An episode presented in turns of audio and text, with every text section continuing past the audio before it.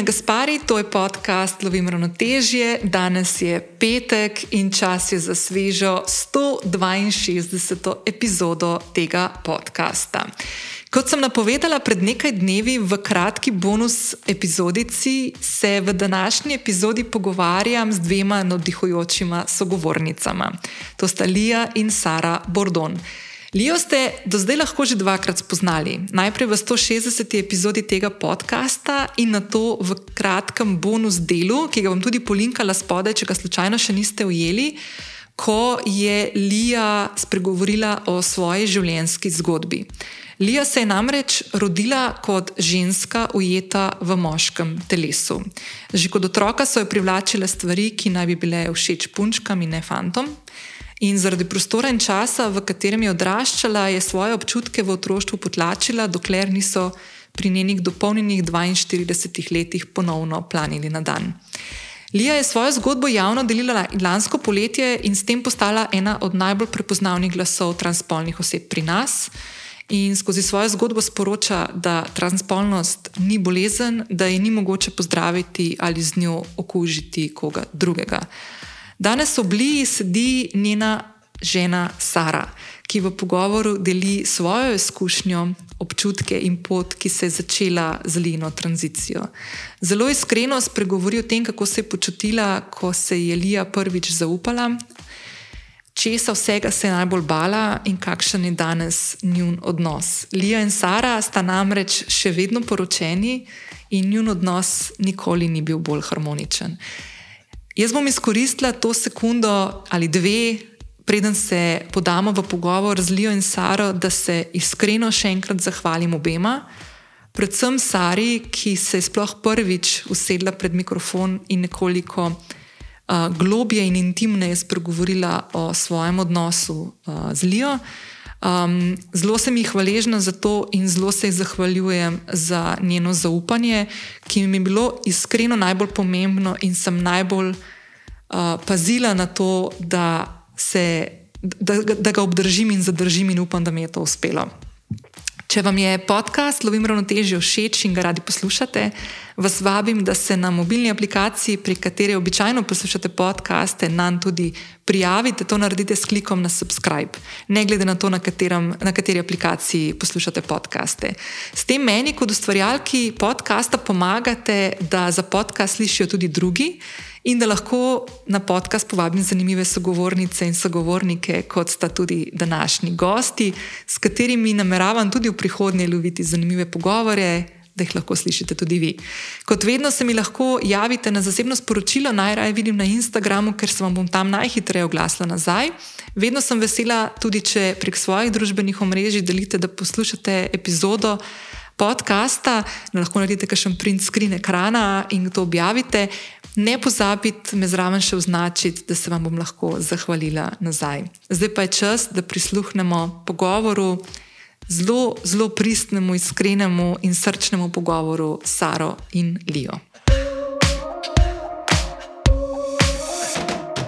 No, super, Sara in Lija, dobrodošli na podkastu, da jim ravnoteže. Živijo. Živijo. Živijo. Koliko smo živčni, da se je? Ja, ful.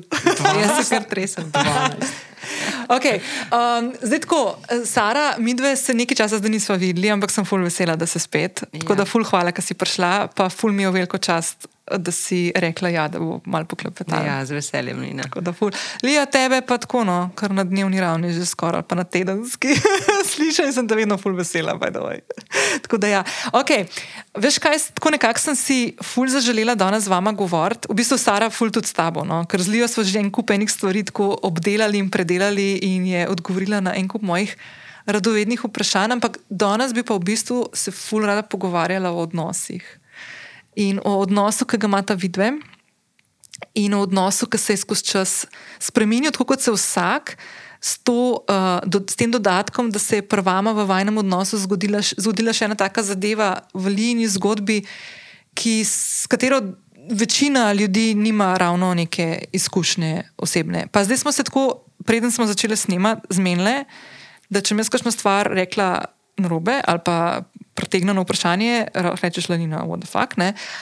ali pa obratno, ne tudi lahko rečeš, da to pa ne bom povedala. Okay, Zmenjen. Okay. Tako da je mogoče, Sara, bom dala najprej tebi besedo. Dej malo povej o sebi. Kako se je zgodila tvoja življenjska zgodba, kdaj si začela prepletati z Lino? Aha, čisto od začetka te zanima. Ja, tako je malo me firme nazaj, da- smatram. Um, Kaj ti tako počneš, preden gremo v ta vajn? Ne vem, če sem si zapomnil vse detajle, ker je to že koliko let, 24 let bo letos. Odkar kar ste skupaj? skupaj ja.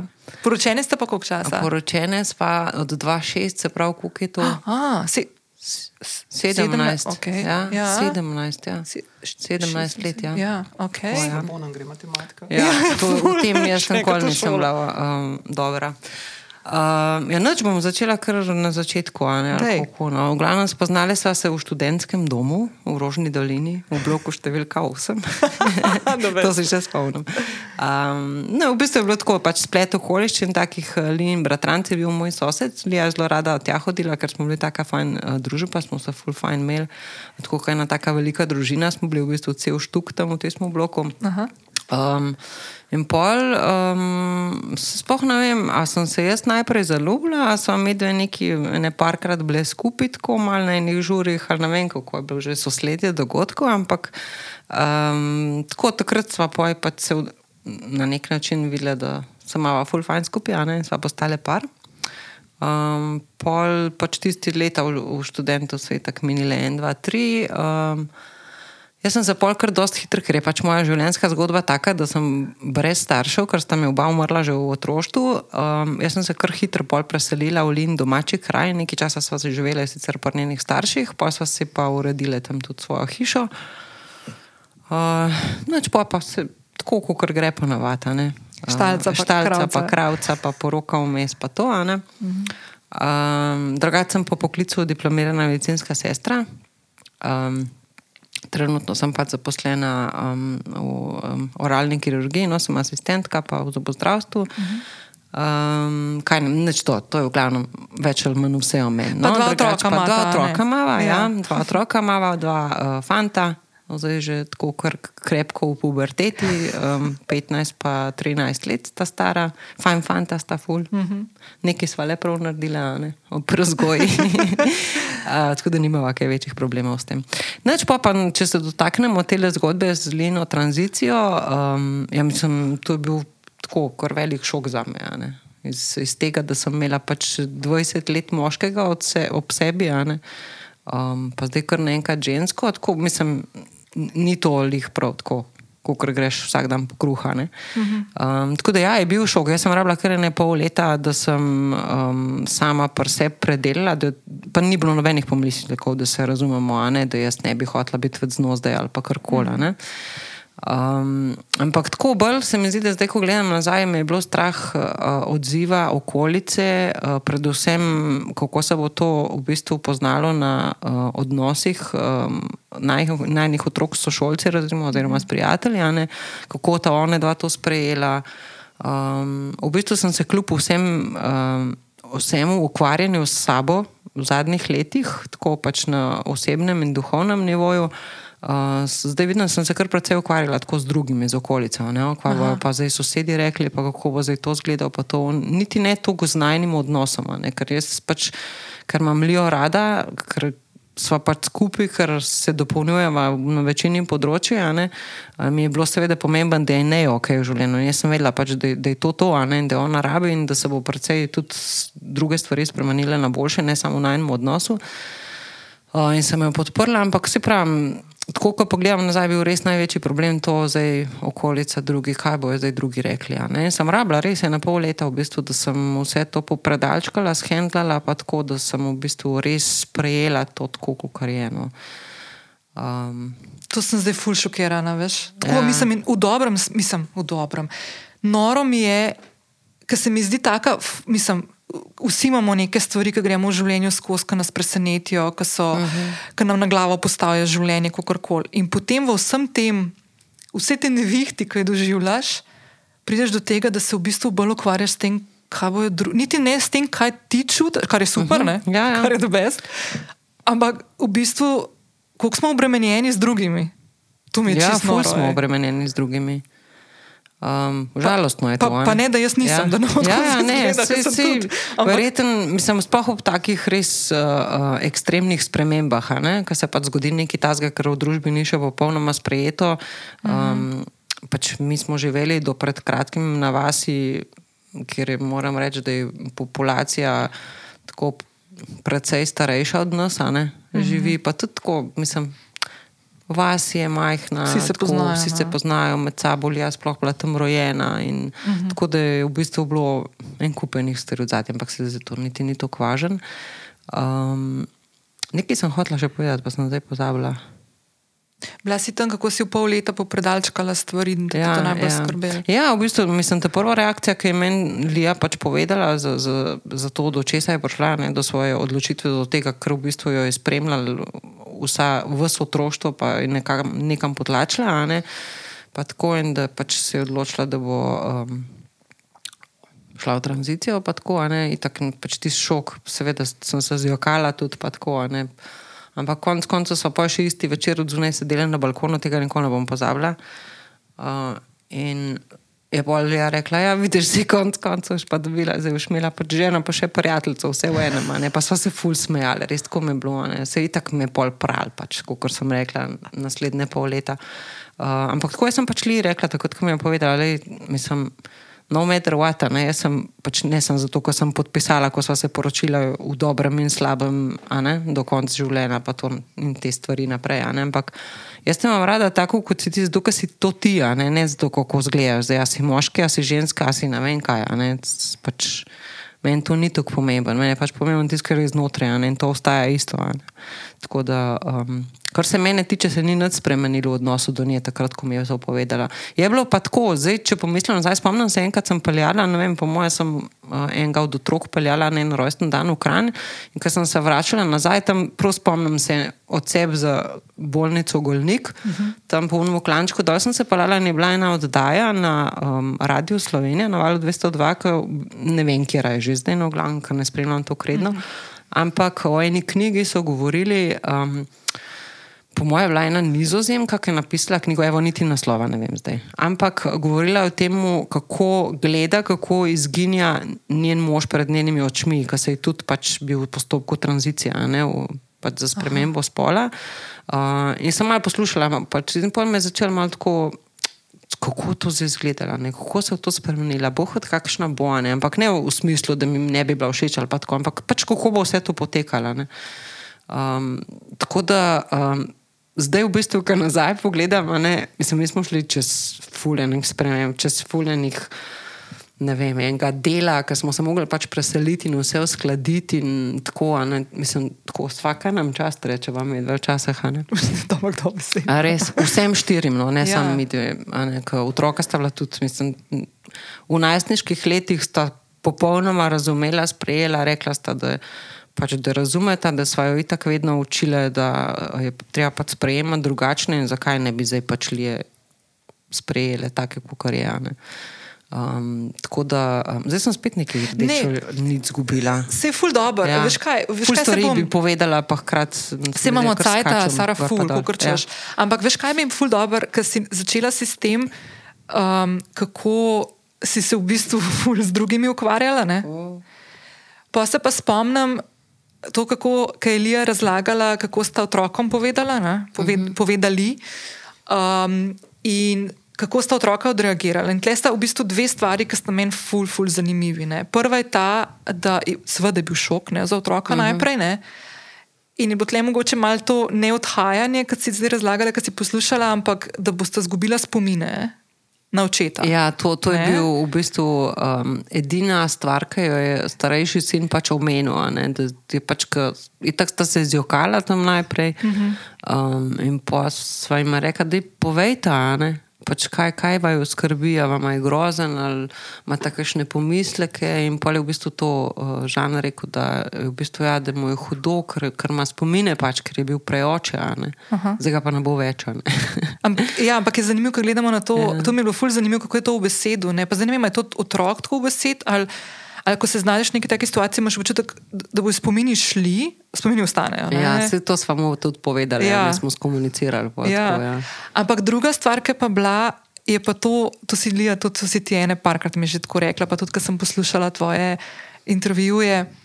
Um, Kako so kako sta vaju v bistvu otroka presenetila v tem, da sta zelo, mislim, takoj sprejela to kot ne nič tazga, ne, ampak mm -hmm. tako zelo odprto.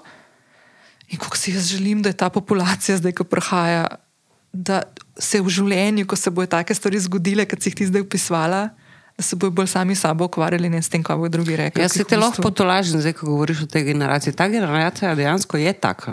Briga jih to, ne? Ja, mislim, oni so to sprejeli. Recimo, pač Žan, ki je že dolgo bil starejši, pa on je imel sploh v osnovni šoli zelo tako. Um, generacijo, ko so se fully razumeli med sabo. Dva, manjša šola je bila, pač pa, mislim, da se še, ne, ampak um, dva razreda, pa fully so bili povezani. On gre še zdaj rad na Gorensko, pa se družijo, pa punce pridejo dol, pa grejo skupaj ven. Um, on je pač, jaz sem ga vprašala, si povedal, ne, v šoli, pa so šolcem, prijateljem, pa to je rekel, da ja, da je, ne, ko so tudi pol bili pri nas na obisku, so šolci pa tako. In se reka, in kaj so rekli, ne, no, čeprav so to čist nekaj normalnega, se oni se o tem pogovarjali, ena sošolka je pač uh, isto spolno usmerjena, um, ena je, kaj že se ne vem, glavnem ena je bi, um, biseksualna. Tako, in oni se o tem pogovarjajo, vi se o tem pogovarjate tako med sabo, ne v vaši spolni usmerjenosti. Pravijo, ja, ne tako čist normalen. Se kaj res, nekaj, v mojih letih, recimo, ko sem bila jaz tako stara, kot ti, če bi jaz recimo. Ne vem, takrat rekla, da sem pač lezbika ali pa ne vem, kar koli že. Mislim, to bi me, po moje, linčali tam. Pa noben se ne več z mano pogovarjal, pa zafrkaval bi me pa neki. Mislim, ful lepo. In tudi zdaj, ko smo se pač preselili, ker je tam mlajši sin, nekaj začel hoditi tukaj v osnovno šolo v Ljubljani. Um, on je tudi takoj povedal, prvi dan in propel, prvi teden domov so šolce. To je čist nekaj normalnega, da nam je celo ena mamica od enega sošolca v bistvu pisala na um, Lije, no, pisala na Messenger, da kako se zdi to fajn, pa da je otrok tukaj odprt, pa da je povedal. In so čist normalno sprejeli. In to je isto, kot da bi imel pač um, očeta in mamo še vedno ali pa karkoli. Ali pa dve je, mami ali ja, pa dva očeta. Ja, čisto ne... normalen. Ej, to mi je tako, veš, ker sem tako razmišljala, pa nisem se hotela pripravljati neki na ta pogovor, ne, konkretno. Ampak pa se pa spomnim, ker zdaj pred časom Miha imel pogovor z Matjažem Odlaskom ne, in o njegovi zgodbi družinski z otrokom, ki je staršema povedal, da želi v tranzicijo in je transpunca. Uh -huh. In jaz sem poslušala um pogovor, prvo mi je bilo fascinantno, najprej sem na full vesela, da se je odločil za ta pogovor, da posnet, da mu je bilo to full tako zanimivo, da je hotel to narediti in da ga je kontaktiral, to mi je bila prva stvar, full všeč. Pa sem pa poslušala ta pogovor in sem skozi čakala, kdaj bo neka drama, kdaj bo neka, pardon, izrazu pizdarija. Veš, ko neko to, nek ta lok uh, dramaturški, kdaj se bo zdaj zapletali in odpletali in pol, kaj smo mi mogli narediti in se pre... Pa ne rečem, da ne, ne. se tudi v tej zgodbi se špalma pove, ampak so te stvari tudi elementi. Ne. Ampak kako sta se ona da pogovarjala v tej zgodbi? Tako, ki je bila na Peru in se pogovarjala o tem, kje je dol gol, če, če pač mi to zanima, ga ne fuzma, kdo je dol gol včeraj, veš, in je bilo pol na koncu tok da best, da je bilo to tako. Ne. In zdaj, ko te poslušam, imam ful ta občutek in sem ful vesel, da imamo tako debato. In je tako, um, veš, kaj, veš, kaj mi je v bistvu, um, da se vrnemo nazaj malo medklic. Kaj mi je bilo v bistvu ful lepo, ker sem slišala to zgodbo, kako ste otrokom povedali. Ne? Da, in pa bi tebe vprašala, še preden da moli, ker je še nikoli nima tako časa, ti kar je poznal. je že kar manj catle. Ja, ja, je živa živčna. Uh, ne, veš kaj? ne, veš kaj sem te hotela vprašati. Um, Že od samega začetka, danes, ko govoriš, mi je ena stvar fulepa. In to je, da prej, ko si govorila, kako ste se spoznali v Rožni dolini v bloku 8, uh -huh. um, govoriš o Liji. Uh -huh. Ne? Yeah. Ja. Okay. In ker to, tudi otroka, kar sta imela, po mojem, no ne vem, jaz si to sploh ne predstavljam, ker nimam te zgodbe iz nekega tazga mojega zasebnega ali pa zelo bližnjega življenja. In v bistvu vse ljudi, ki sem jih do zdaj spoznala in so šli skozi tranzicijo, sem jih spoznala, ko so že šli v tranzicijo kako, kako gre človek čez. Mislim, a je tukaj, jaz sem poslušala to, da je tukaj neko žalovanje, pa poslavljanje od človeka, ki si ga imel ob sebi, ker nisem to zaznala pri tebi nekega tazga momenta? Ma, jaz ne morem reči, da je to žalovanje ali pa nekaj. Jaz, jaz imam to osebo še vedno ob sebi, ker oseba še vedno obstaja, veš, pa zgleda drugače. In če me verjameš, ne, ne kar si jih umenila, ne tako pač spomini pač na, uh -huh. na mhm. moškega. Prej, jaz sem jih pred kratkim, ne, mogoče zi, ne, ne spomnim se jih točno, koliko časa je bilo nazaj, ampak sem prav rekel tako, rekaš, kaj meni se zdi prav tako. Jaz se, jaz, meni se zdi, da Janes sploh nikoli ni obstajal tako. Ne, ne pač, da ga nisem jaz, ampak tako jaz sploh, veš, ne, sploh ne vem, kako bi se izrazila, ampak uh, nimam ga več. Uh, Njega v, v, tako pred očmi, veš, vem, tudi, tudi recimo, ko se spomnim na pretekle dogodke, recimo, ko smo šli na ali pa vem, podelitev magistrske uh, mm -hmm ne naloge, ampak kako se reče temu? Magistrska diploma je tudi ok, v redu ali pa tako. A veš, jaz krlijo vidim tam, ne, tako če v spominu. Sploh on, on lik Janeza je, je tako kar nekak, ne vem, pa ne da bi ga hotla pozabiti, ne boh nadeja, veš. Ja. Ampak um, tako, tako kada, kada, pač, kada je bila odvedno lija. Tako, zato tudi govorim skozi ja. ženskim, uh, ženskim zajemkom. Um, je pa res, da na začetku je pa ful težko. No, to sem te, ja. preklopiti. Ker ti nekoga 20 let ali pa še več, recimo, ja. če ga poznaš še več, kličeš z enim zaimkom, z enim, prim, uh, z enim imenom, pa tako pol kar preklopiti. Jaz sem se tudi fulkrat zmotila, tako, čeprav sem po mojem kar hitro to osvojila. Otroka nikoli.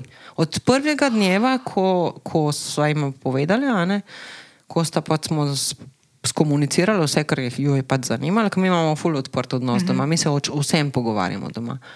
Um, od takrat je Lija in uporablja ta ženski zaimek in se nikoli nista zmotila, nikoli, niti enkrat, ne eden in ne drug.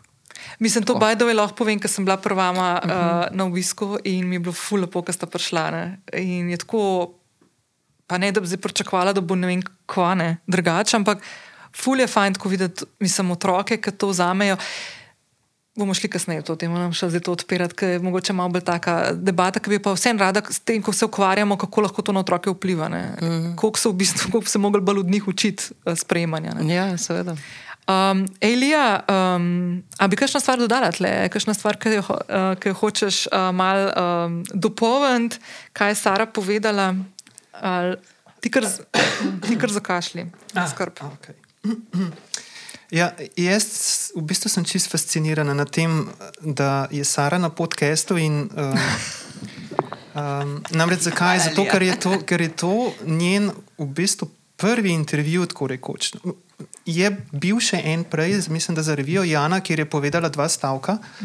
Um, in mi je, mi je zelo lepo to poslušati. Ne, ker, ne vem zakaj, ampak nekako ko si potem že v tranziciji, pa greš čez, pa je neko novo življenje, pa živiš to življenje, pa uh, se nekako stvari normalizirajo in zanimivo je tudi pri meni izginja ta spomin na, na moje prejšnje življenje. Tako, Vse spomini so še vedno tam, ampak veš, tako, ko se spominjamo nekih morij izpred 15 mm -hmm. let. Ne veš, kje si bil, pa kaj si počel, ampak ti detajli, uh, mislim, ta neka moška prezenca, v kateri sem jaz morala ustrajati in sem bila uh, pač v njo vzgajana in sem nekako z mukoma to pač poskušala živeti.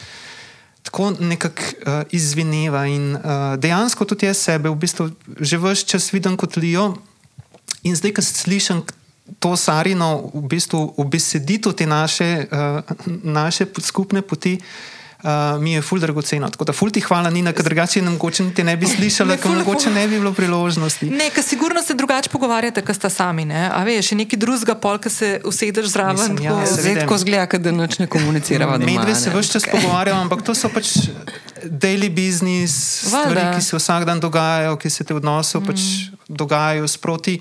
Um, ne vem, se sploh ne spomnim, da bi kdaj šli tako namenoma se usesti in obujati neke spomine, ne, kako smo šli v bistvu čez vse skupaj uh, čez. Tako da uh, bom ful z veseljem bom poslušala ta podcast tudi sama, ker uh, mi, je, mi je fino. No, da, uh, Da slišim še nekoga drugega povedati to zgodbo, um, ker meni men se zdi, da včasih sem že tako kot neka pokvarjena plošča in mm -hmm. vse čas nekaj ja, iste stvari, iste stvari govorim. Uh, in mi je fino, no, da si šla um, z tem vprašanjem nekam čist drugam, kamor nihče mm -hmm. do zdaj še ni, ni upal videti. Tako da Nimam kaj dodati temu, kar je Sara povedala, lahko me pa kaj vprašaš, ker me še ni nihče vprašal.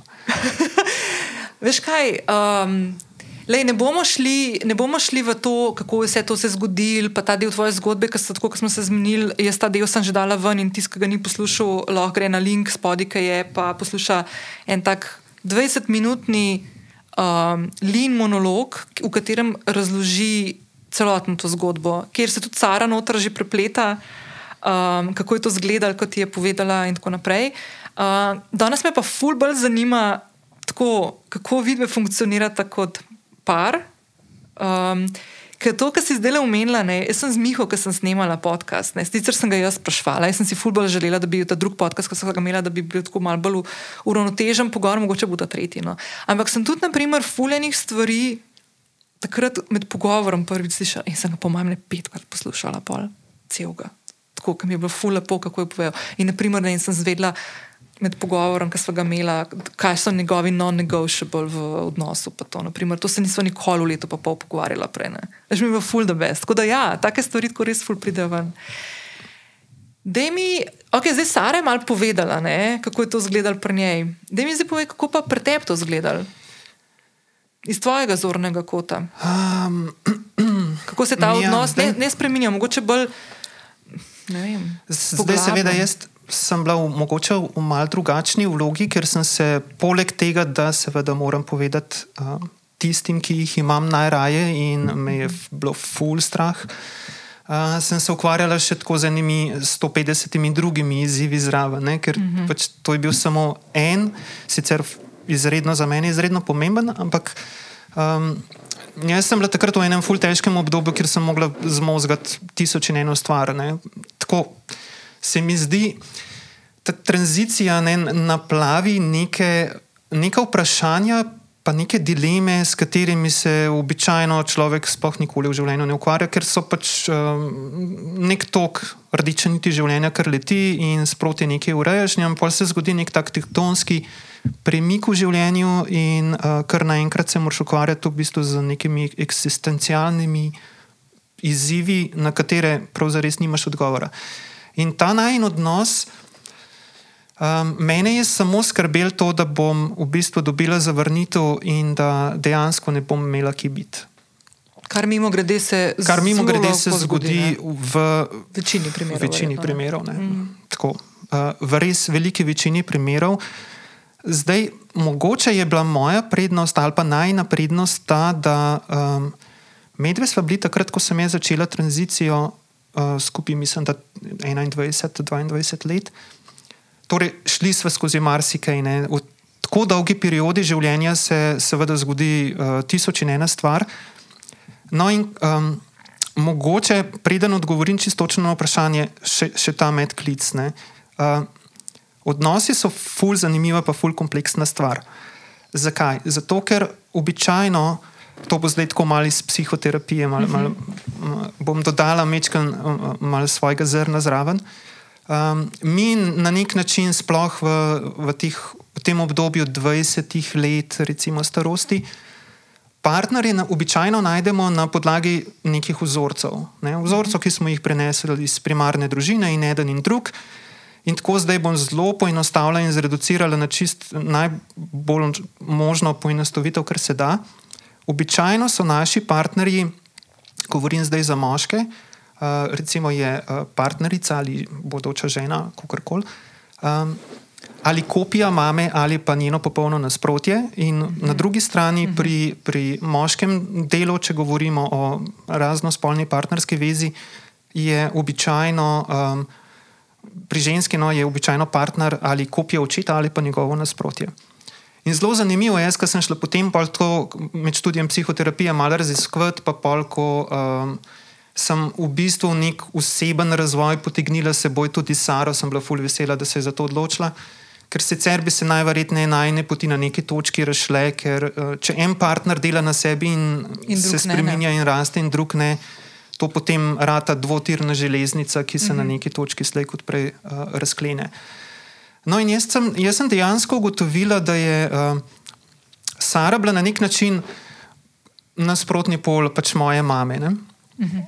um, in ko smo začeli, v bistvu, ko sem jaz začela nekako brskati po svojem nezavednem, kar je mimo grede v petih letih uspelo naplaviti tudi te občutke, da uh, z menoj nekaj ne štima v smislu mojega doživljanja spola in spola, ki mi je bil pripisan ob rojstvu. Um, sem šla seveda čez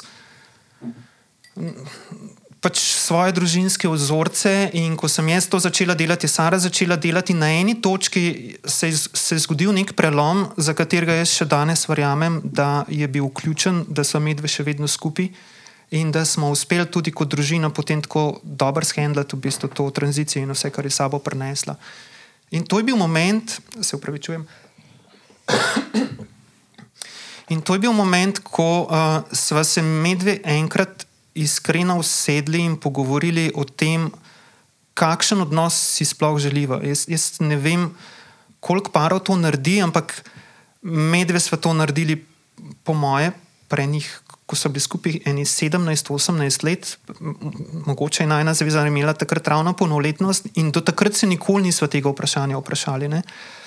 Uh, je bilo pa ključno, namreč jaz sem na eni točki tega brskanja po sebi ugotovila, da me, jaz ne morem biti v odnosu s človekom, s katerim prvič ne morem biti iskrena, uh, ne morem biti jaz to, kar mislim, da sem in želim živeti.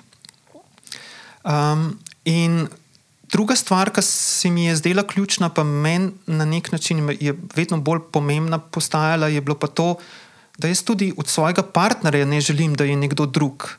-hmm. in uh, da ne more biti iskren do mene, in da ne more biti to, kar v bistvu v sebi čuti, da je.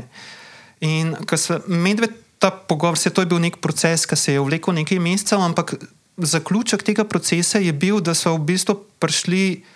Do nekega spoznanja in ena in druga, in potem so to med sabo skomunicirali, da, ja, da v bistvu, če smo že skupaj, potem je zelo pomembno, da si lahko vse iskreno poveva, da nisva. Uh, da niso stvari zamovčane in da smo lahko to, kar sva, brez da bi naj jo druga stran, to se pravi partner, za to bodi si obsojal, bodi si um, poskušal spremeniti. Ali pa silo v nekaj, kar v bistvu prav zares niti eni, niti drugi ni. Uh, in to je bil tisti ključen moment, ko uh, dejansko je odpadla vsakršna potreba po tem, da bi druga pred drugo karkoli skrivali ali pa živeli dvojno življenje, ker to se ful pogosto dogaja. Ne? Ljudje pač živijo neko življenje v svoji zvezi in potem neko skrivno življenje uh, še izven te zveze. Ne? In potem pridemo pač do razno raznih. Uh, dogodkov, ki negativno vplivajo, sploh se mi zdi na otroke. Če ti nimaš nekega harmoničnega odnosa med partnerjema, to če si hočemo priznati, ali pa ne, pač vpliva tudi na otroke in, in na neko družinsko dinamiko. Um, če nič drugega ne, potem vse te vzorce svojim otrokom daš in zakaj bi jim to počel, če pač mhm. ni treba. Ne. Tako da ta, ta trenutek se mi je zdel ključen, no in od takrat naprej. Um, Se res o vseh stvarih pogovoriva, in ker ima vzpostavljen ta odkrit odnos, kjer veš, da lahko izraziš vse. In govorimo vsem, ne, da good, da bed, da ugly. Uh, in veš, da za to ne boš sojen, in veš, da imaš popolno svobodo v odnosu, kar pomeni, da lahko izraziš vse, delaš vse, in hkrati priznavaš uh, svojemu partnerju oziroma partnerici popolnoma enake pravice. Um, potem se, se nekaj spremeni, in to, kar se je spremenilo, je bilo to, da. Um, odnos preneha biti breme, odnos preneha biti um, prisila, uh, odnos preneha biti kletka, ampak začne biti nekaj, kar se harmonično prepleta in v katerem lahko skupaj v bistvu ploveš, rasteš vsak zase in pa hkrati skupaj dosegaš neke sinergijske učinke, ki jih sicer ne moreš. Um, in to jaz mislim, da je bila tista, kar me včasih me velikokrat vprašajo, kaj je bila tista magična stvar. Mislim, da ni nobene magične stvari, samo iskrenost, mm -hmm. ki je seveda vedno eh, svoboda in svoboda je vedno, vedno hodi z roko, z roko, v, roki, z roko v roki, z odgovornostjo. Mm -hmm. uh, kar pomeni, ne, da če se že svobodno odločiš za nekaj, um, prevzameš za to odgovornost. Mm -hmm. In puščaš tudi možnost, da tvojemu partnerju oziroma partnerici to ni ok uh -huh. in da ima popolnoma enako svobodo reči, da meni pa to ni ok in uh, uh -huh. jaz bom pa naredila to tako. Um, kar seveda pomeni, da na eni točki lahko to pomeni pač razhod. Um, ampak po na, mojih izkušnjah ali pa po najnih izkušnjah, um, svoboda, pa iskrenost in odgovornost odnos lahko samo poglobijo, najverjetneje ga ne bodo razdrli. Če ga pa bodo, Je pa bi, drug- bi, bi, drugače bilo, bi bilo pa mogoče mm -hmm. dobro, da bi ta odnos bil razdrt že davno, davno prej. Ne. Ampak tle sta pol vidve v bistvu ful močne temelje postavili Že prej. že prej ne vede, da se. Veš, ena stvar, ki je tako. To, to so zdaj malo take, um, mogoče. Ma ne stereotipne, ampak običajno ljudje eh, se zatekamo k nekim vzorcem, pa nekim predalčkom, ki jih poznamo. Ne. In ena od stvari, ki jaz doskrat naletim, ko naprimer spremljam kakšno zgodbo um, odno, uh, para, ki, v katerem se zgodi, um, da se ed, en, eden od uh, dveh uh, znajde v situaciji, ko ugotovi, kako se ti lija, ne, da si transpolna oseba. Ne.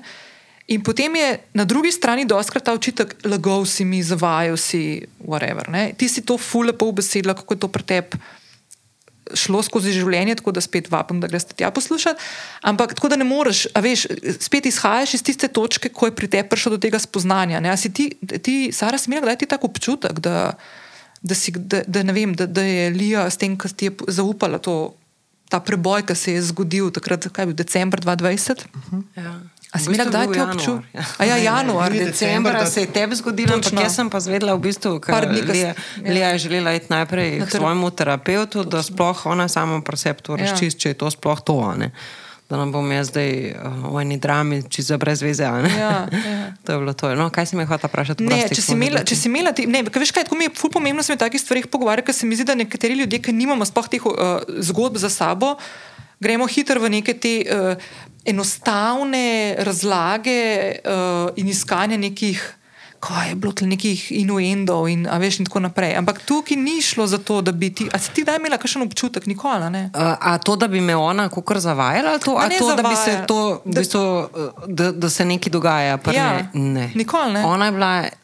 V bistvu se je zatekala v ekstremno moške zadeve, Mhm. se pravi, ne vem, te Ironmani, najtežja športna preizkušnja na svetu, pa eh, gasilci, pa ne vem, eh, civilna zaščita, pa tako res tako ekstremno, nikoli. Ali pa da bi kdaj, ne vem, karkoli bilo ženstvenega na njej. a ne. Um, zdaj, ko pa, pač, oziroma od takrat naprej, ko pač vemo, da je to to, ne. Um, pa tako, ko pomislim nazaj, ja, Nina, mi dve smo šli v trgovino, mislim, jaz lahko priznam, kar tle javno. Jaz pač nimam lihenga uh, smisla estetskega za vem, kombiniranje oblačil. Tudi mi ni to, ker sem pač športen človek. Ne Se se ful rada zrihtam pa to, ampak ne vem, prnama je bila vedno Lija tista, ki je rekla, da je to pa to skupaj, ali pa smo šli v trgovino, recimo v šoping za, za me, pač Ja. cunje. Ja, jaz sem kar hodila tam po Zari, po trgovini, pa to je noč nimajo, pa vsa razočarana, pa dve krpici vzela sabo v garderobo. In pol jaz sem bila v garderobi in pol je Lija zginila in mi je prinesla tako dva naročja, ful dobrih cun, vse mi je pasalo, tako številko je vedela, pa tako le to, pa to super. Pa, a veš, pol, ko Ja. nazaj gledaš, ko pa itak je bilo še ful takih stvari. ne. Uh, pa da si tako namaš, Sara, no, da je to, da je gor, pa tako, veš, pa me- meni prej tudi podrazno, ne, veš, ona je bila moški, ne, ona je bila gasilc, pa, pa Iron Man, pa tako, pa oče, pa tako še, veš, ona je sploh tako odločna, tako, ne, in pač to, to so ponavadi, tudi moški so ponavadi taki, ne, redko, -hmm. kjer je pač malo bolj uizi, a ne. Ne, ne, nikoli, ne. Uh, hodila sem pa še tudi dodati, glede na to, kar sta se prej videli, pogovarjali pa o najnem odnosu. Um, V bistvu je ful pomemben tudi ta, um, Lija tega ni omenila, ampak sigurno sem prepričana, da je tudi um, ona tako mislila, oziroma ve, da je to tako. Ampak uh, tle v odnosu je tudi ful pomembno razumevanje. Um, Človeka, ki ga imaš ob sebi, ne razumevanje tako, ok, razumem, a ne, ampak tako, da ga res razumeš. Lej, človek tako v tistem trenutku tako čuti. In ga moš ti razumeti, pist, z, a veš, Celo rečeš, a so šli Ja. pisati. Ne. ne. Ne, ne bom sorry. priznala, da sem hotela kakšno grdo besedo Ja. uporabiti. Štekam, Um, ja. Ne, veš, res ti to globoko razumem, da pač, ja, človek tako, tako čuti tisti trenutek. Ne? Zakaj bi jaz zdaj nekoga obsojala? Ne? Pač, verjetno bi mi ona povedala, če bi to se že prej dogajalo, Ja. pa mi ni hotela povedati. Pa, to, pa tudi to bi razumela. a Ne? Ok, mogoče. Ja. Je pač mislila, da ni to pravi čas, da mogoče jaz ne bi dobro sprejela, pa je mogoče hotela še kaj preveriti, ampak to ni bilo pa ne, ne da bi mm -hmm. pač se to prej dogajalo. To je bil res preboj naenkrat. Sorry, sem škaj meni Ja. yeah. fulnoro. To, kar si, kar si mi popravila, kar si tudi ti, Lija, takrat razložila. Meni se je to tako odraslo, da človek po vsej tej nevihti, ki se ti zgodi v enem momentu, ne, da narediš ful korak nazaj ne, in rečeš, ne, zdaj le grem jaz najprej tole pogledati. Ne. A veš, da ne vržeš take informacije. Mislim, ali pa če bi, ne, sej, ne da je zdaj prav pa narobe, ampak uh -huh. veš, se mi zdi tako ful, ful lepo, pa ful tako, ful vel, veliko. Vse to si zmogla Ja, ne narediti. mislim, mogoče je to malo poklicna deformacija. Ne? Mene mm -hmm. pač življenje, um, skozi stvari, ki sem jih v življenju počela, pa ni, mislim, se je ful zanimivo. Ne? Ko zdaj, ko gledam nazaj, jaz, ko sem se pač iskala v tem svojem življenju v različnih nekih vlogah, ki so bile res ekstremno stereotipno moške. V različnih nekih poklicih, pa v dejstvovanjih, pa zanimanjih, pa študijih, pa tako naprej. Nikoli nisem. A veš, vsi, vse, vse ljudi, ki sem poznala, so mi neko zgodbo pravili, ki je imela nek, nek, regot- nek regotosled in nek smisel. Vse te moje stvari so izgledale tako, kot en kaos, ki ga nekdo, ko urehe, pa hruške, pa, pa ne vem, kaj še vse imaš v peharju, neke ostanke in jih raztreščaš po sobi. In niso imeli nobenega, nobene povezave, mm -hmm. navidezne. Ampak zdaj, ko nazaj gledam, tako, se mi zdelo tako, da bi me življenje pripravljalo v bistvu na ta korak in me opremilo in, z znanjem, in, in z nekimi izkušnjami, ki so mi prišle v bistvu zelo prav pri teh stvarih, ki jih je bilo treba početi med tranzicijo. In ja, jaz bi se strinjala s tem, kar je Sara rekla, in dejansko sem pozabila na to, ne to razumevanje, temu strokovno rečemo empatično uživanje v drugega. Mm -hmm.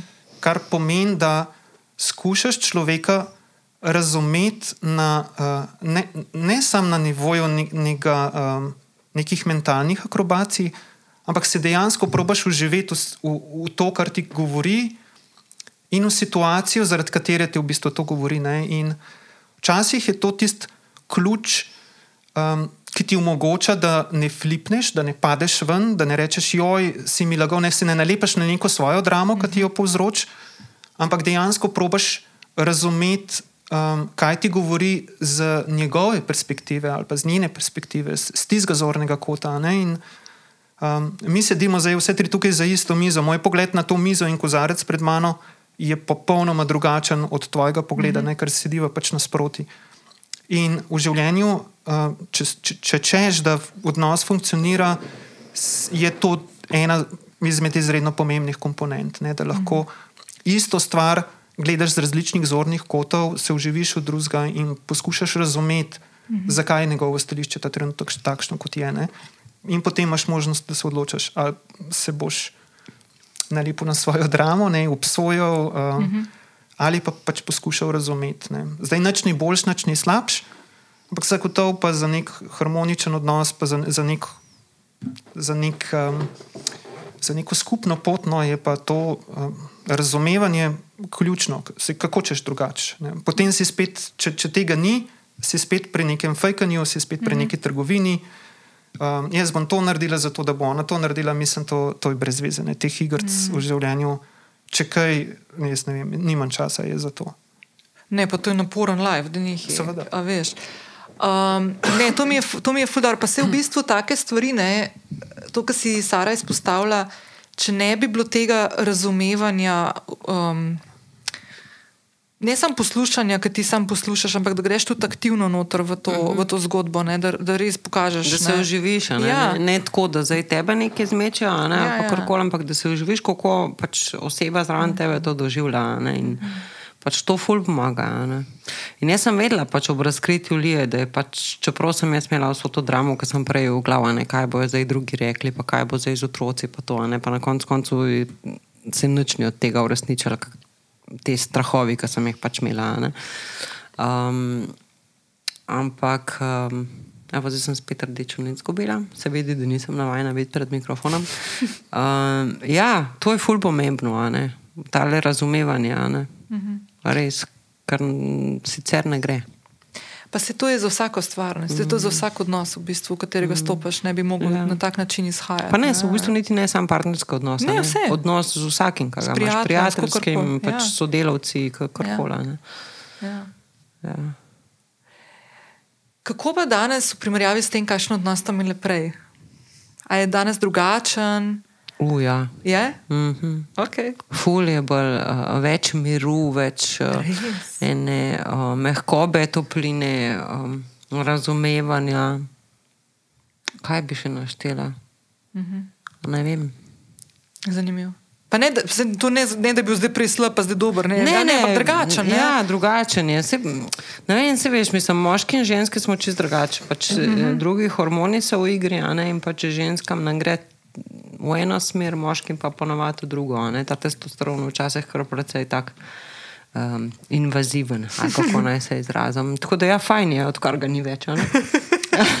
ja, jaz sem modro tiho, ker ne želim vplivati. Uh, pogosto slišim očitke, da sem obajal in da uh, grumam ljudi v transpolnost. Ampak kaj je res? No? Ja, se jih ne moreš, no. ljuba duša. Ne? Mislim, meni je to tako smešno. Um, Še posebej zato, ker za to kao grumanje ni popolnoma nobenega argumenta in znanstvene utemeljitve. Um, spolna identiteta in, in tudi spolna usmerjenost, da se razumemo, so neka globoka notranja čustvena občutja. Mhm. In meni je prav žal, um, če bom zdaj pač koga od tistih, ki uh, neprestano ustrajajo na tem grumanju, užalila, ampak teh občutkov ne moreš izbirati. Dejansko jih ne moreš. Pa če mi ne, ljudje ne verjamejo, ne, ne poskusijo. Če se lahko prisiliš, da ti je nekdo spolno privlačen, ki ti ni spolno privlačen, sem takoj odprta za to, da se pogovarjamo o, o novi teoriji. O novi teoriji. Uh mhm. Ampak to ne gre. Ne? Partnerja, ki ga izbereš, ker ti je privlačen spolno, romantično, kakorkoli ti je privlačen zaradi globokih notranjih občutkov, ki se jim ne moreš upreti. Um, ljudje, ki so zaljubljeni v nekoga, pa se ta nekdo poroči z nekom drugim, padejo v depresijo ne zato. Ravno zato, ker imajo neka globoka notranja občutja do te osebe, pa vejo, da jim je nedosegljiva, pa se ne moreš ti zavestno odločiti, da ti ta človek ne bo več všeč. -hmm. Ne gre, ne, ne, ne. to so notranji procesi, ki so izven razumske kontrole. -hmm. In tako, kot se ne moreš odločiti, da, bo, da boš v nekoga zaljubljen, tako se ne moreš odločiti, kako doživljaš sebe. Sebe doživljaš, kot se doživljaš, prideš na ta svet za identiteto, s katero prideš. -hmm. Zdaj lahko se fajkaš, pa poskušaš pač živeti v neki drugi vlogi, ki ti je tuja, tako kot sem jaz to poskušala 42 let, ampak na eni točki se tudi to neha, ker enostavno ne gre. Ne? Notranji konflikt rata premočan in zdaj ali, ali se tiske gla, ali narediš samomor, ali pa preprosto uh, zagrizeš v to in nekaj s tem narediš in poskušaš svoje življenje nekako uskladiti z identiteto, ki jo v sebi čutiš. Tako da ne da, ne da se grumati, v te stvari se ne da grumati lahko se da grumati v, v to, da ne vem. Kupimo neke um, ideološke ideje, kupimo neke politične ideje, uh mhm. -huh. kupimo neke, neke interese, kaj je s tem. Uh mhm. -huh. Se odločimo za jabolčni zavitek ali pa ne vem, skutin zavitek, ampak to, kako pa globoko notranje doživljaš sebe, pa enostavno ne gre, tudi če poskusiš prisiliti človeka uh -huh. v to. In dejansko so delali poskuse, ko so uh, poskušali um, otroka znamenit poskus, ki se je zgodil, ne, bila sta rojena v bistvu dvojčka, uh, uh, interspolna in enega so rekli, da okay, ga bomo vzgajali kot deklico, drugega bomo vzgajali kot uh, dečka, ampak notranje identitete pa nihče ni preveril pri teh dveh otrocih. Ne, in notranja identiteta obeh je bila moška. Mhm. In tistega drugega, ki so ga vzgajali kot deklico, je tragično končal v samomoru, zaradi tega, ker je bil vzgajan v napačni v bistvu spol, ki ni bil v skladu z njegovo identiteto. -hmm. Torej, ne gre, ne gre. Uh, velikrat slišim reči, da ja, mladi se iščejo, pa ne vejo čisto točno, kaj bi. Mm -hmm. Razumem. ne vejo čisto točno, kaj bi v življenju počeli, ne vejo čisto točno v življenju, kaj bi trenirali, ne vejo čisto točno v življenju, kaj jih zanima, kar se tiče nekega udejstovanja.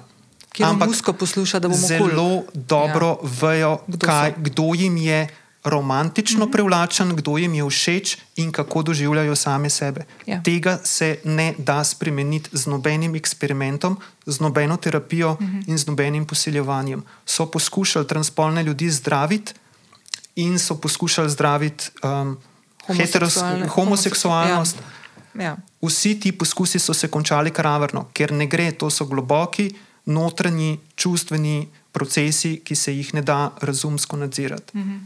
A veš, meni se tako zdi včasih, da kot družba ful precenjujemo ljudi, ne? da imamo občutek, da več. Da so, da so bolj odprti ali pa da bolj razumejo, kot mogoče dejansko so. Po, gledam tako generaliziram. Ne. Pa so pa primeri, ki pa, ki pa v bistvu se s takimi uh, debatami, ki se krožijo okrog. In jaz sem tako fuljezna. Sej eden od razlogov, zakaj je meni ta tematika, poleg tega, je, da smo se mi spoznali osebno, eh, pa Sara, ne, da pač tudi mi. Se mi zdi tako, da je treba te teme odpirati in te tabuje razbijati. Ne? Ampak kaj meni osebno ful fascinantno je to, koliko se v bistvu preliva enega, ene tinte na tem, kaj vse bo zdaj ta skupina, mehna skupina ljudi, transpolnih ljudi na svetu. Ne vem, naredila zdaj, zato ker so prišli v navednicah do svojega glasu, pa malo v medije, pa se v njih govori, pa zdaj bo cela drama. Ne? In se mi zdi tukaj, da se podcenjuje ljudi, dobesedno. Če smo A Veš nekje- kaj, ti ljudje, sorry, ko te prekinem, ampak jaz, tako kot jaz vidim, ljudje, transpolni, homoseksualni, pač vsi mm -hmm. člani LGBT plus skupnosti, a ne, mm -hmm. Q je še zraven, sem pozabila. Mislim, oni se trudijo, pa v bistvu ustrajajo samo zaradi tega, ker to, kar si jaz tudi v bistvu želim, ne, mm -hmm. da se nam o tem sploh ne bi bilo treba Exactly. pogovarjati. Ja. Da bi bilo to tako normalen, kot ne vem, imaš ti fanta, pa ima, ne vem, a razumeš, da Ja. imam jaz ženo, uh, ki je transpolna, ok, ja, v redu, super in uh Mhm. -huh. pač to je to. a Ne? Jaz ne vem, mislim. Ampak to ne je spet to razumem. ukvarjanje z drugim. Ne? Ja. A veš? A veš, s sabo se je ful težko ukvarjati. ne? Ja, valjda, vsak je to malo probo. Ja, in potem se je lažje ukvarjati z drugimi ja. in jih pljuvati in jih eh, in groziti in take stvari, kot da bi se ukvarjali. In v bistvu večina ljudi, ki to počne, ne, bi bilo najbolj pametno, da bi se začeli malo s sabo ukvarjati. ne. Pa veš, kaj je ful zanimivo, Sara? Ne? Tle je še ena zadeva, ki ponavadi ljudje, ki imajo toliko pravka z drugimi ne? in so najbolj glasni, običajno in tudi nasilni verbalno, uh -huh. tudi mogoče še drugače, tudi lahko včasih ne, najdemo. Da je v bistvu um, to je potem človek, ki se mu njemu krši kakšna pravica. Za katere ki jih dojema kot normalne, uh -huh. ki bo čez noro, pa, pa se mu zdi tako, kako je to možno. Uh -huh. In me, jaz ne razumem ene stvari. Če ti zase jemliš neke stvari samo po sebi umevne in da jih ne rabiš razlagati in diskutirati, in da se kdorkoli upleta v to, ker živiš svoje življenje. Kako narediš ta miselni preskok, da se pa ti ukvarjaš z nekom drugim in govoriš, kaj sme, pa kaj ne? To ne bomo nikoli ne, razumeli. Nekateri so pač prepričani, da bi vsi morali živeti, kot živijo, živijo drugi. Ne. In tukaj je meni zanimiv ta moment. Um, transpolnih ljudi in to zdaj je uh, v bistvu znanstveno, pa statistično utemeljeno dejstvo, ker uh, dejansko se merjenje o tem, kolikšen odstotek populacije je transpolnih, odvija že desetletja. -hmm. In mogoče bi tukaj navrgla samo uh, nedavni primer um, iz Argentine. Argentina je bila prva država na svetu, ki je leta 2012 uvedla um, samo opredelitev. Kar pomeni, da ljudje lahko se odločijo sami, brez kakršnih koli medicinskih postopkov, um, kater spol bodo živeli, kater spol bodo izražali in kaj bojo temu primerno imeli zapisano v dokumentih.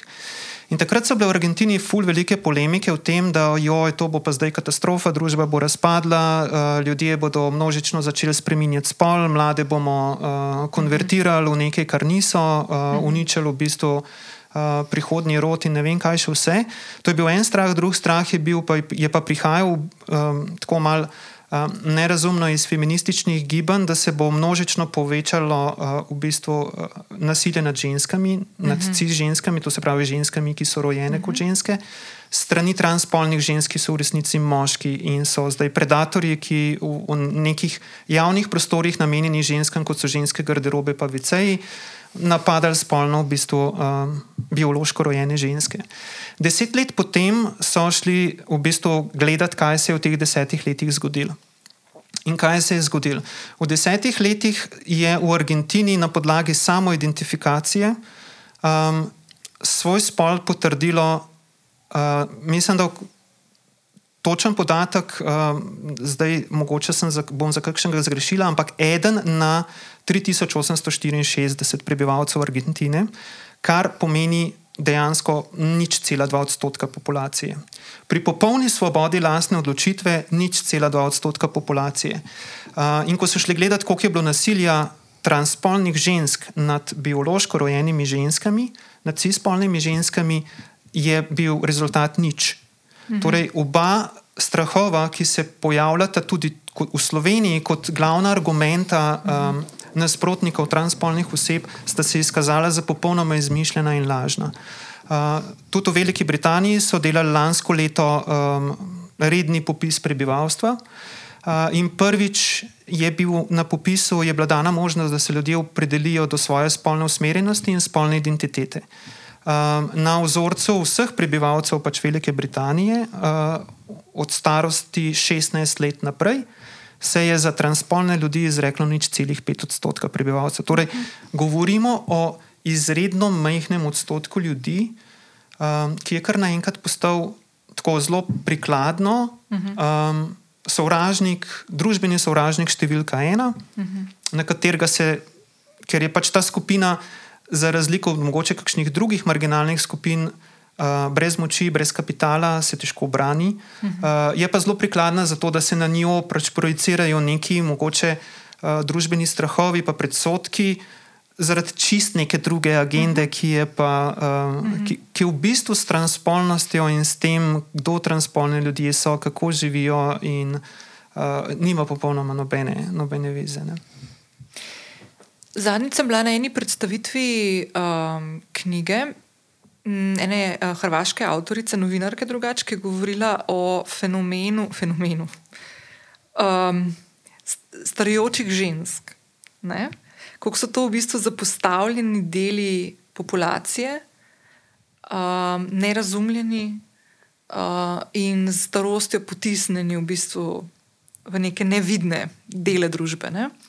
In ena od stvari, ki jih je omenila, pa se bom tle malo na, na, naslonila na to, kar smo se prej pogovarjali, kako ti mlade generacije, ki sta tudi vajna sinova, eh, del njih, ki gledajo tako neobremenjeno na stvari, o katerih se zdaj pogovarjamo, ne, da tle v bistvu obstaja en hakelc, ki se lahko zgodi ravno zaradi njihove neobremenjenosti s to tematiko. Ne, in je dala primer žensk in dostopnosti splava. Koliko časa živimo v svetu že v katerem imamo občutek, da je to nekaj, kar je dano. Sploh le pri nas, na našem področju. Ne? Če, greš, če greš pogledat na Hrvaško, je že problem bistveno večji, ker je ogromno ginekologov in ginekologin, ki so se zavezali, da ne želijo upravljati splavov. Ne? Smo imeli primere, ko so prišle ženske v Slovenijo narediti splav. Ne? Kako hitro se lahko stvari spremenijo, kljub temu, da že desetletja živimo z neko pravico. Ne? In je tle izpostavljati te mlade, ne? Kako pomembno je, da kljub temu, da, so, da imajo ta neobremenjujoč ne pogled na te stvari in je super, da ga imajo, kako je vsem pomembno, da se jih vključuje v to in da so glas za ljudi, ki jih nimajo za nič, za nič drugačne in posebne. Ne? In se mi zdi, da je fultko. No, hmm, se mi zdi, da moramo kot družba, predvsem mi, ki smo ki imamo luksus, da nismo rabili takih stvari v življenju, in da smo se rodili v telesu, ki nam odgovarja in sedi v tem primeru, ne? da se moramo postaviti za manjšinami, uh -huh. kjer jim koli. Uh -huh. No, to sem samo hotela malo dodati. Mm, Ja, se v bistvu te, ki so tako kar proti, pa so vražni govor, pa to je vse v bistvu manjšini. -huh. Sam so glasni. Sem, ja, glasni so. Mislim, moraš se naučiti. Jaz moram priznati, mene se še zmeraj ful dotakne. To, ko pač.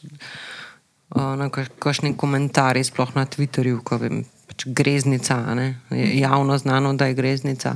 Um, ful No, sem med- ampak je tudi polna Je, ja, ja, ljudi, ne. seveda, a ne, ampak pač sploh taki, ki so recimo skriti, eh, imajo skrito identiteto, ne si lahko prvošijo morske, čeprav se jih da izslediti, a ne, uh -huh. da ne bojo kaj preveč pogumni, če slučajno poslušajo. Um, ful je to tako, mislim, je, je boleče, no, uh, tudi za me. Mogoče ja. še bolj, zalijo, ker vem, kako je to njo prezadane. a ne. Um, ful bi se rada dotaknila tega, čeprav mogoče bo kakšen k- imel, kaj proti tem mojim besedam, ampak bile so tudi besede, um, pač glede na um, eno predavanje, ki ga je Elija izvedla na, na vabilo ene izmed srednjih šol, zdravstvene šole, ker pač tam se um, dijaki usposabljajo za poklic, ki mora biti empatičen do vseh.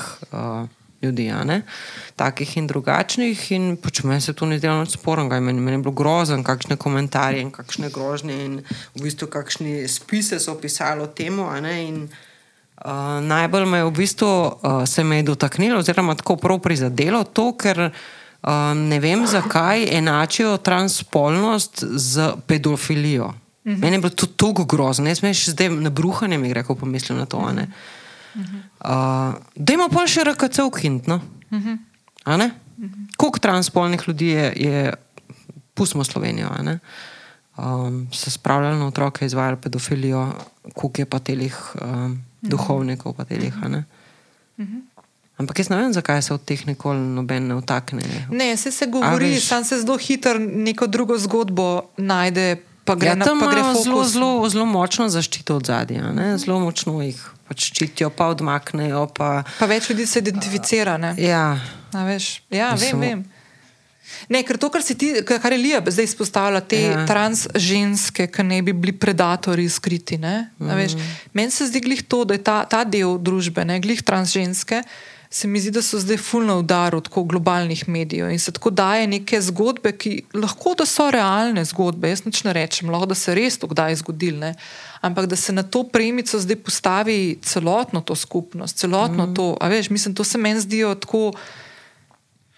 Najmanj, kar rečem, da je neko generaliziranje, če ne tako res neko totalen razkroj dela družbe, ki ni kriv tle za te stvari. Mm. Mislim, Ja, to posploševanje je tisto, kar mene moti, pa zaboli. Ne? Ker um, družba kot taka ima v enem odstotku vedno neke ekscese. Ne? Sploh, mislim.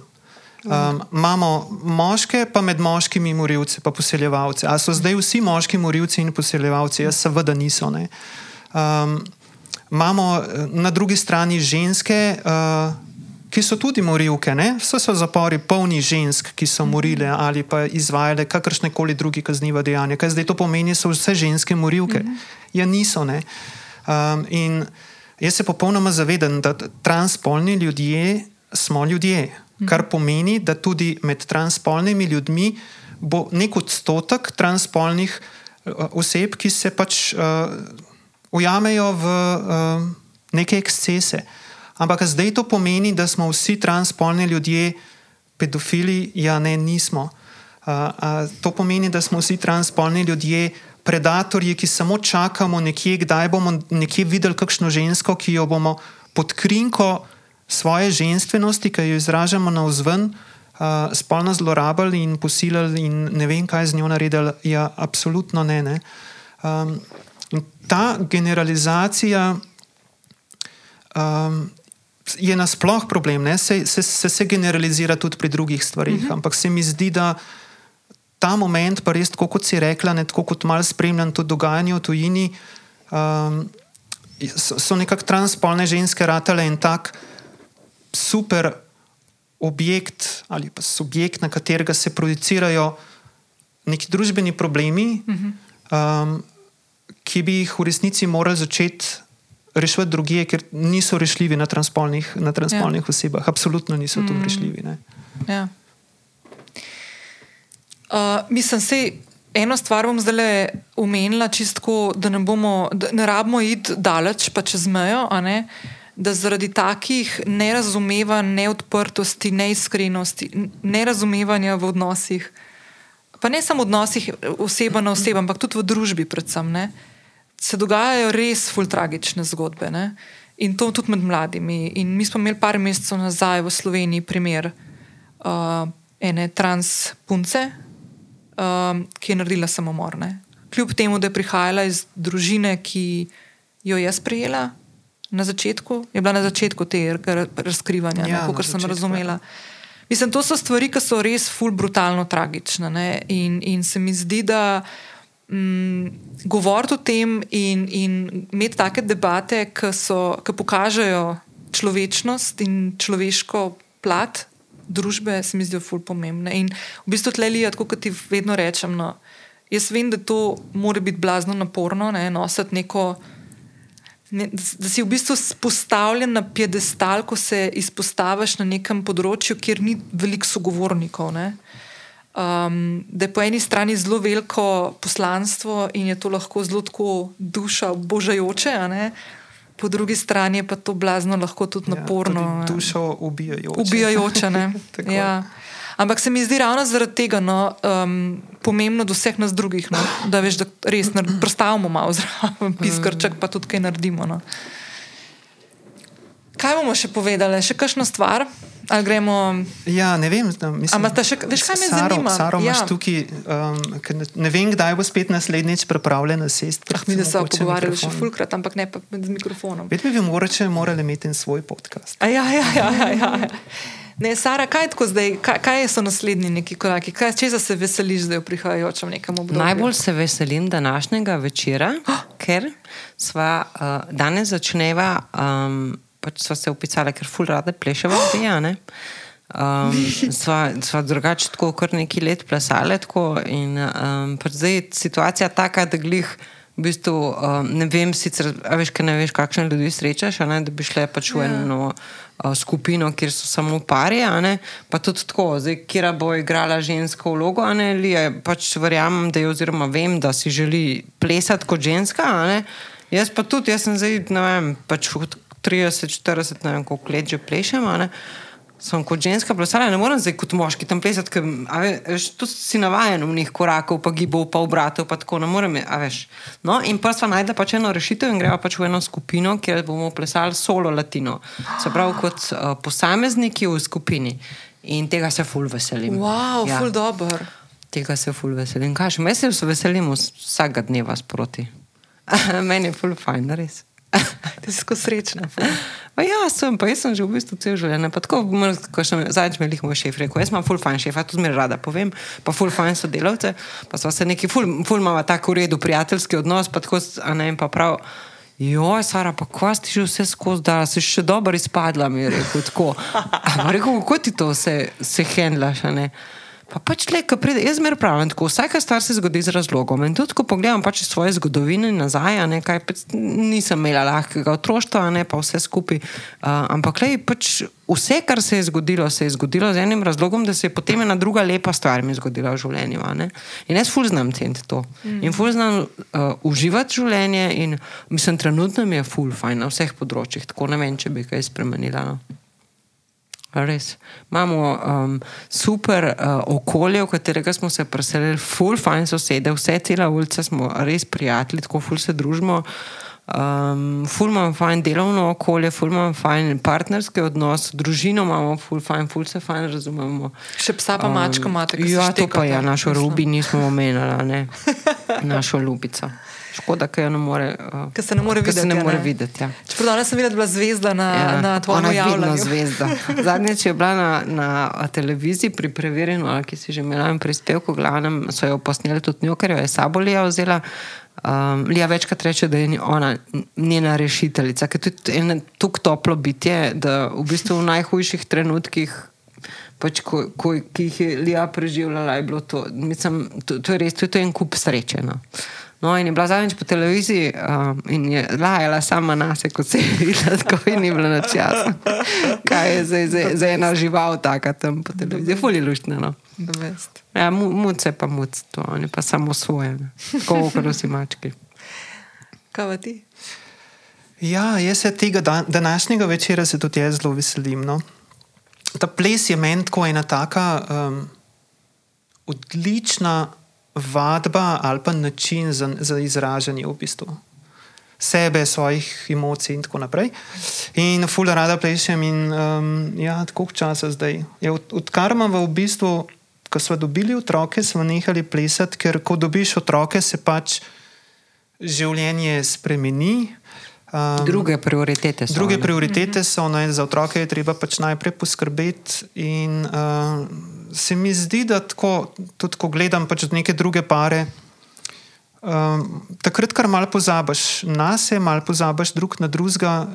In to, to se mi zdi, da je tudi tista perioda, v kateri največ parov pol na koncu se razide. Ne? Ker dejansko um, vsak je nekje zaposlen s kupico nekih stvari, mame običajno več z otroci, pač očetje več z nekim poklicnim odestovanjem. Ne? A, a ni smešno, ne? A, veš, otroke dobiš v najbolj kreativnem obdobju, mislim, v najbolj, uh -huh. ma niti ne kreativnem, ampak v najbolj um, burnem obdobju življenja, ko še iščeš samega sebe in to, kaj boš počel in gradiš kariero. In skratka, takrat, ko imaš najmanj časa, se, se v bistvu zgodijo še otroci ne, in pol res zmanjka časa drug za drugega. No, in medve so kar. Ta ples v zadnjih 10-15 let dali na stran, uh, pa se je zgodila še tranzicija, vratu problem, točno to, kar je Sara opisala, nekako zdaj v bistvu plesati. Um, namreč meni se je že zgodilo, no, to uh mhm. -huh. se mi periodično dogaja, da uh, ko ljudje zvajo, da sem transpolna oseba, pa pri meni je še ta pač moment, da se težko že v bistvu skrijem zaradi vse te izpostavljenosti. Um, se mi je že zgodilo, da sem dobila pač prošnjo če bi mogoče raje ne prišla, ne? zato da ne bom vzbujala nekih, um, nekih negativnih čustev ali pa občutkov pri drugih in bodo pač zdaj te skupine um, potem, oziroma v, trenerji ali pa učitelji nečesa, na kar sem se hotela opisati, ne, da bodo imeli probleme, zato ker določen del um, udeležencev v skupinah ne bi bili sposobni sprejemati moje transpolnosti. Um, tako da sem vse čas tako mal, um, eni taki. Samo cenzuri se mi zdi. Ne, ne zdaj bom jaz nekaj rekla. Ker, zdaj bom jaz nekaj rekla. Da vsak, ki se sreča s takim primerom, jaz, jaz ne bom zdaj tukaj pametna, bila, kako bi bilo fajn reagirati. Naprimer, nekomu, ki reče, ki ima neko skupino, pa reče, da je mogoče pa rajš ne pridati, ker bomo imeli mogoče kakšen problem. Razumem, zakaj pride do tega. To je linija, po eni strani linija najmanjšega odpora, pa na hiter, po predalčkanje, pa ne bo imel problema, na dolgi rok si naredil pa ful več slabo, slabih stvari, kot dobrih. Ker to, da ima nekdo težavo z nečem, naj se sam s tem ukvarja. Nisi ti ja, tista, ki sprožaš te probleme. Težava, ne? Ne? In nekdo, ki vodi neko skupino, pa je lahko gre tukaj za vadbene, vse, kar si mi že povedala, pa vejo, ve, o čem se pogovarja, pa niti nima veze. Ampak karkoli, je to ples, je to fitness, je to whatever, the fuck se vse ti si tam kot vodja, kot učitelj, ne samo tiste neke vadbe, ampak si tam tudi kot neka oseba, ki speleš enega človeka čez nek postopek, uh, osvajanja nekih novih veščin in konec konca je to tudi neka osebna rast. In je tudi tvoja vloga, da se tam obnašaš odraslo in da si odprt in vključujoč. Pika. In to je to, kar so, točno to, kar sem prej rekla, sodi v ta predal, klem fuljeznost, sodi v ta predal, da smo mi tisti, ki moramo drugače pristopati k takim stvarem in ne zahtevati od nekoga, ki pride kot je Lija, in mogoče pa ne vem, bo trajš doma. Da noš komu problema. No, ja, jaz se v volno strinjam. Mm. Mislim, ja, no. No, Leta am, 2023 smo, no. mislim, smo že ful špinače, kot pojedli. No. Ampak ja, ja. Sorry, sem če, če, če odgovorim na tvoje vprašanje. Ja. Torej, te, ja, ta današnji večer se mi zdi tak super, uh, super večer, ki ga bova skupaj Saro preživeli sami. Uh, sicer pa ja, fulmam nekih, fulmam nekih želja, fulmam nekih načrtov, fulmam nekih ciljev. Um, um, začenjam vzpostavljati, no, ker to je kar proces. Ne, pač, ko nekaj začneš delati na svoje, je, je pač proces, ne more se zgoditi čez noč. Tako zelo se zadnje čase uh, posvečam temu, da uh, bi uspešno zaštartala svojo coaching prakso. Uh -huh. Um, v tem sem res dobra in to res z veseljem počnem, in se mi ni uh, težko pohvaliti. Ker mm -hmm. pač se mi zdi premalo, krat se ljudje sami mhm. sebe pohvalimo pri stvarih, pri katerih smo res dobri. Ne vem, ali je to pač neka slovenska lastnost in ta naša neka um, pregovorna ponižnost, ampak uh, ja, no, temu se veliko posvečam.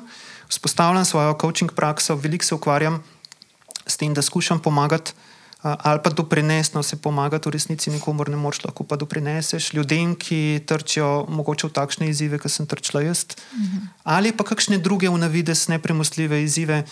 Tako da tukaj imam kar visoko postavljene cilje.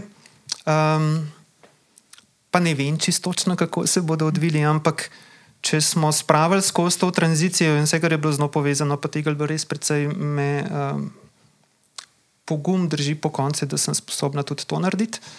Um, Imela sem na meni pisati letos doktorat. Okay. Uh, samo resno, resno ja. wow. Sem se že vse dogovorila, da ga tudi pišem, in dobila mentorico, in se zmenila za temo, in fulje je bilo všeč. Uh, skratka, bila sem že z eno nogo točno uh, tam čez, da začnem, pa sem zdaj v bistvu ugotovila, da imam čist preveč enih stvari. Da, um, full front odprtih. Ne? Full front odprtih mm -hmm. in full enih dejavnosti, in malo sem vmes pri tem pozabila na sebe, tako da me je v zadnjih 14 dneh mal zvil, mm -hmm. tako čist na fizičnem nivoju zdravja, in se moram, sem dobila lekcijo, da, da, da moram malo ustaviti. No. Tako da se bom posvetila predvsem zdaj pač grajenju svojega uh, poslovnega modela, to, kar sem se namenila narediti.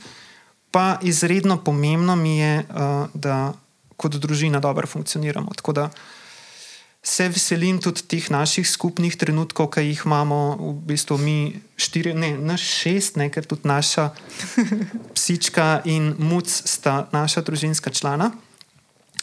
Že malo študiramo, kako bomo preživljali poletje. Ne. Tako da pač take, a veš mogoče sem se bolj začela usmerjati na tiste majhne stvari, ki življenje naredijo dragoceno mm.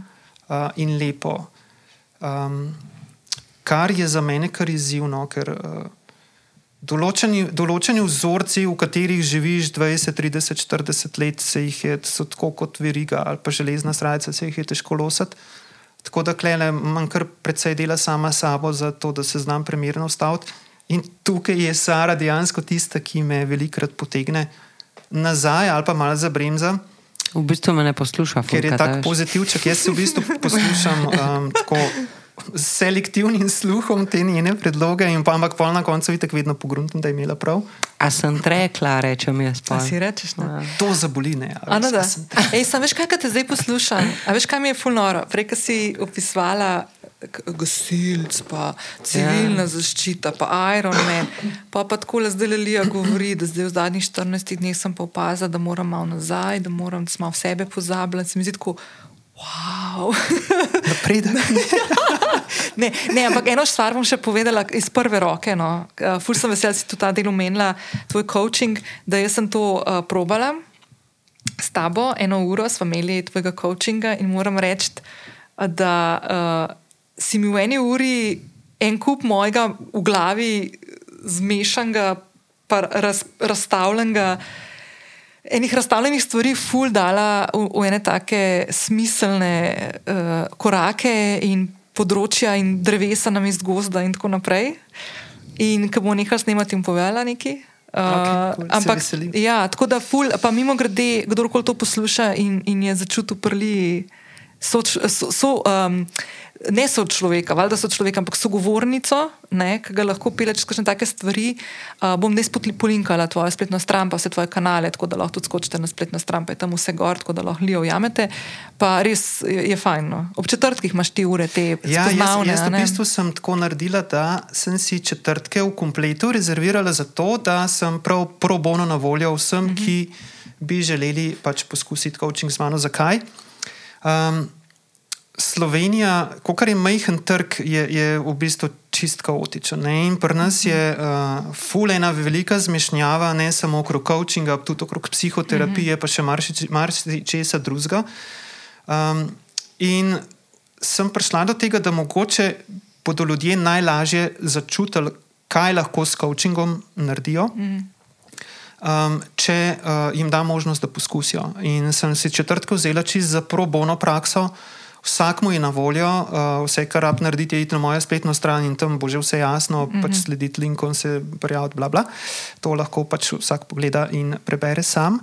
Um, In, um, Ja, in pol je telefonski veš, klic, ne? v bistvu je po zumu, nikamor A je ni treba Zoomu? hoditi. Prav, super. Uh, ker finta coachinga je, da je uh, fokus na poslušanju. Ne, in prej, ki si rekla, da sem ti jaz nekaj sestavila skupaj te uh -huh. stvari, ne bova šla v detajle, v resnici jaz nisem naredila Ne, v nič. bistvu jaz sem jih jaz, no, sam. Uh, jaz sem tam uh, imela ful eno dobro sogovornico na oni strani, uh, ki je prišla do enih takih zelo meni fascinantnih uvidov in uh, rešitev, in zato to rada delam, ne? ker mi je tako fino gledati, koliko se da narediti samo s tem, da nekomu pomagaš, in jaz nisem pri tem izjema, ne, da, da se čist razumemo. Jaz imam svojo psihoterapevtko in imam svojega koča. Uh, zakaj? Zato, ker je lažje in se v bistvu ni treba meni uh, matrati in ukvarjati z nekimi stvarmi, uh, iskati odgovore z moje perspektive, ki jih tako ne vidim uh, z tega kota. Uh, in uh, v coachingu ti pa veš, dobiš malo mal drugačen pogled, malo se zadeve obrnejo, malo se zasučejo in pol pridejo neki aha momenti, ki so čist tvoji in načnov ga v bistvu ne pogruntaš, pa hkrati je vse drugačne. In lahko narediš neke spremembe, odločitve, korake, ki te uh, na lažji način spravijo do cilja, še vedno moraš delo narediti sam, ampak je pa mogoče lažje ne, in se ne ciklaš skozi v neki isti zanki. No, zato. Tako da tega dela se ful, ful veselim in uh, nasploh pa. Mogoče pa tisto, kar si pa res želim, srčno, srčno, je pa to, da uh, dejansko pridemo enkrat v tej naši um, Sloveniji, pa tudi širše, do, do trenutka, ko ljudi, ki so nenormativni zaradi kakršne koli osebne okoliščine, pa že naj si bo to uh, invalidnost, naj si bo to uh, pač neka, neka osebna okoliščina, tako kot je moja transspolnost ali pa spolna usmerjenost, ali pa nek, neka druga osebna okoliščina, ki posameznika ločuje od velike večine prebivalstva. Ne, da bomo znali to drugačnost sprejemati, da bomo znali to drugačnost vključevati. Um, ker, mislim, o ljudeh govorimo. Mislim, res o ljudeh govorimo in ti ljudje imajo svoje darove, imajo svoje talente, imajo, imajo nekaj, kar nihče drug nima. Tako kot ima pač vsak izmed nas nekaj, kar nihče drug nima. Ne? In zdaj skupaj, Helen Keller je enkrat rekla, sami lahko naredimo zelo malo, skupaj naredimo lahko ogromno. In je res, ne? vsak prinese v mozaik svoj kamenček in uh, vsi ti kamenčki ustvarjajo sliko.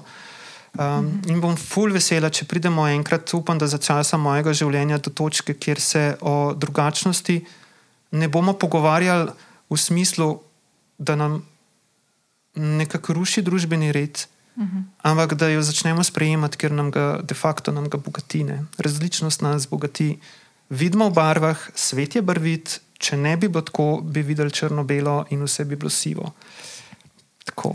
Jaz sem bila, po mojem, mislim, da leta 2000, ali pa bi mo- bom, bom šla pogledat.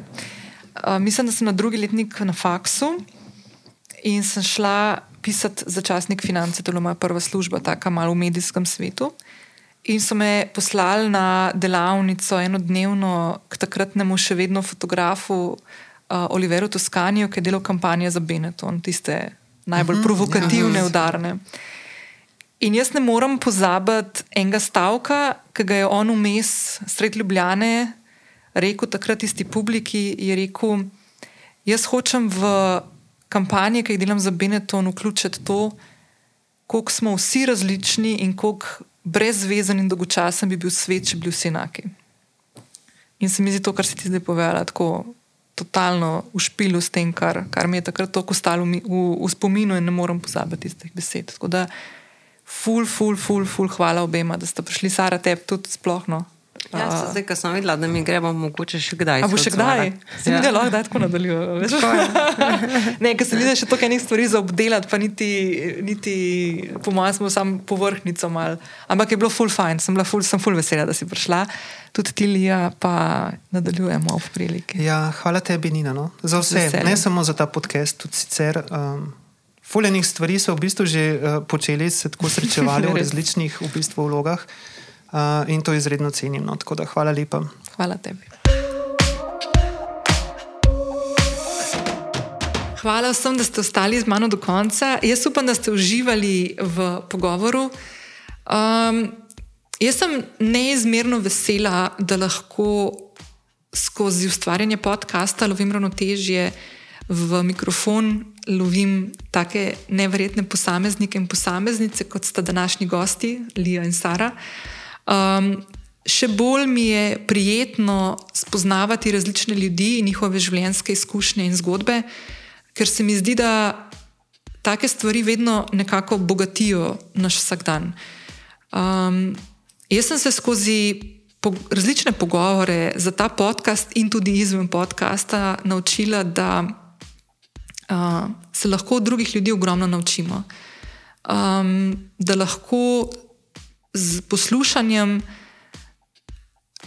ljudi, ki živijo drugačno življenje od našega, in če smo dovolj odprti, pridemo do enega takega odprtejšega duha, uh, predvsem pa razumevanja, da je svet, tako kot sem v epizodi omenila, um, lep takrat, ko je raznolik.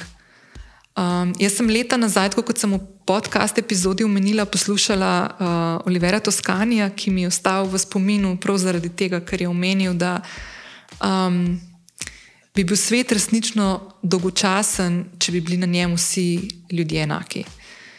In današnja zgodba in današnji pogovor s Saro in Lijo je gotovo eden od tistih pogovorov, ki boža dušo in srce in ki je več kot potreben pogovor, da ga imamo v družbi. Predvsem zaradi stvari, ki se v zadnjem obdobju dogajajo okoli nas.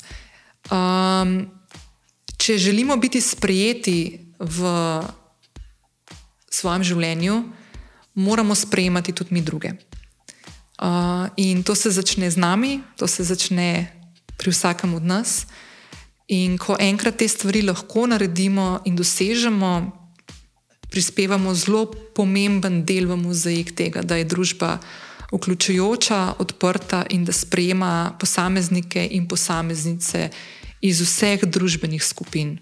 Ne glede na to, kdo smo, odkot prihajamo, kakšne barve naša koža kakšne veroizpovedi smo ali nismo, nacionalnosti, etič, etnične pripadnosti, spolne usmerjenosti in tako naprej. Tako da še enkrat, ful hvala vsem, ki ste prisluhnili, ful hvala še bolj vsem, ki boste delili ta podcast naprej. Uh, da ga bodo slišali tudi tisti, ki morda še niso slišali za podcast Lovim ravnotežje. Imejte se lepo, krasen petek vam želim, če to poslušate v petek ali pa katerikoli drugi dan in se slišimo v 163. epizodi. Ciao!